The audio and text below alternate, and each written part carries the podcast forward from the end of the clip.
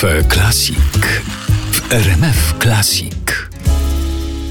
To tak, spotykamy się, żeby porozmawiać o spektaklu, który kilka dni temu miał premierę w Starym Teatrze, w Narodowym Starym Teatrze w Krakowie, ale spotykamy się od razu, to nakreślmy, w wyjątkowych festiwalowych okolicznościach.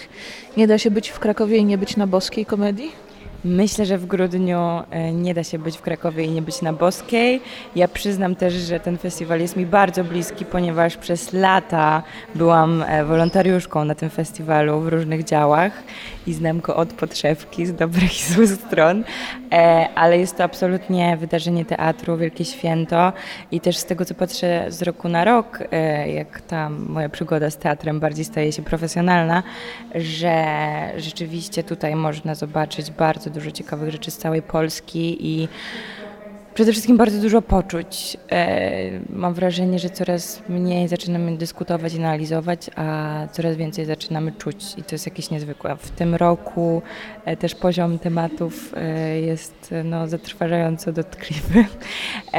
Mam takie wrażenie i to też pokazuje no, ciekawą w ogóle formę polskiego teatru w dzisiejszych czasach. A pamiętasz jakąś boską komedię, która zmieniła tor Twojego myślenia? Tak, właściwie każda boska komedia coś we mnie zmienia. Pamiętam, że na boskiej widziałam pierwsze e, spektakle Ani Smolar, chociażby Kowbojów czy Debuka. E, I zakochałam się w tym teatrze, a potem mogłam z nią pracować, co jest w ogóle też jakąś piękną przygodą i opowieścią o tym, jak marzenia się spełniają. E, widziałam też dużo jeszcze spektakli e, zagranicznych. Niestety nie pamiętam ich tytułu, bo kiedyś rzeczywiście Boska była bardziej międzynarodowym e, teatr, znaczy festiwalem nie tylko z nazwy, ale też z, pod względem produkcji, które tutaj przyjeżdżały. Ale bardzo mnie zawsze to cieszyło, że, że przez tydzień mogę mm, doświadczyć całego świata teatralnego w jednym miejscu i zobaczyć tak dużo rzeczy w krótkim czasie. I też ciekawe jest to, jak z roku na rok też takie zaangażowanie młodych ludzi w produkcję, w ogóle świadomość tego, jak rozwijają się kolejne działy teatralne, jak na przykład produkcja teatralna. Mm, wydaje mi się, że to jest świetne doświadczenie, żeby trochę, znaczy przez to zaangażowanie wolontariackie e, zobaczyć, jak to wygląda od podszewki i też energia. E, to jest, są trudne sprawy, bo to się wszystko dzieje bardzo szybko, trzeba często mm, jeździć przez cały Kraków, załatwiać różne rzeczy. Ja na przykład kiedyś odbierałam Gosię Wdowiek z lotniska, e, a to dzisiaj idziemy, po latach. Tak, a dzisiaj idziemy właśnie za chwilę na jej spektakl, więc ciekawe jest też to, jak, jak najpierw traktuje się tych ludzi jako jakieś takie mm, niespełnione marzenia, ideały, a potem stają się naszymi kolegami i koleżankami w zawodzie. Nie, nie masz już dosyć ślubów panieńskich?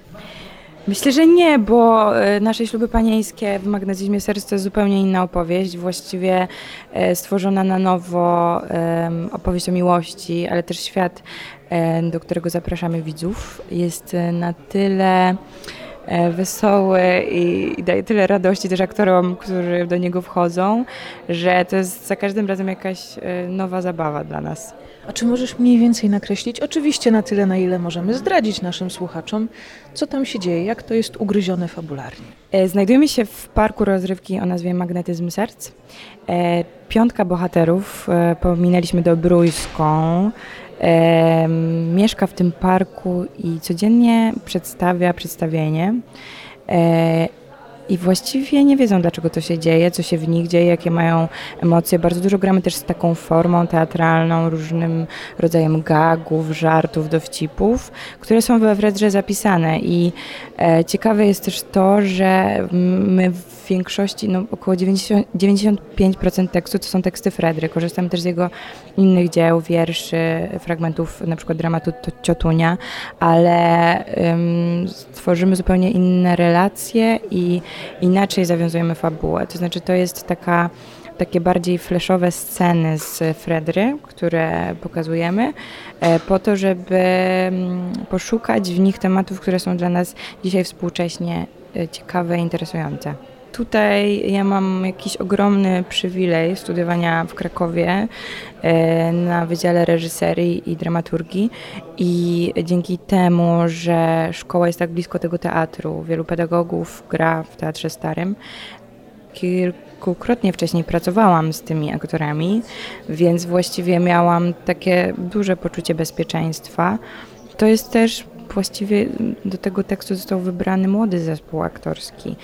E, oczywiście też się z nas śmiali, że cały zespół e, realizatorski jest o wiele młodszy niż, niż aktorzy i aktorki, ale, ale wydaje mi się, że jakaś taka otwartość i ciekawość e, nasza na siebie nawzajem pozwoliła stworzyć naprawdę jakieś takie e, dobre miejsce, pełne ciepła i wielu kolorowych barw. A czy Fredrę trzeba było bardzo uwspółcześniać, czy nagle się okazało, że on jest bardzo nasz?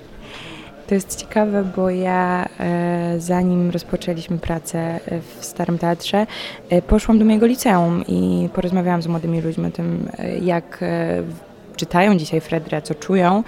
Niezwykle ciekawe dla mnie było to, że oni brali tę formę w całości, to znaczy rozumieją, że to jest tekst sprzed 200 lat, rozumieją, że te postacie są bardzo stereotypowe, wyciągają z nich bardzo dużo wniosków na swój własny temat i, i świata wokół mm, którego, y, znaczy świata, w którym żyją, ale też nie potrzebują w jakikolwiek sposób tego tekstu na przykład queerować albo znajdywać w nim jakichś niesamowitych odniesień do współczesności, tylko um, mają też, mieli też taką ciekawą e, właśnie um, analizę tego, że oni rozumieją Fredro dziadka i to, jak inteligentnie obśmiewa młodych, bo oni czasami do siebie nie mają ty tyle dystansu i ta perspektywa jest też dla nich bardzo ciekawa.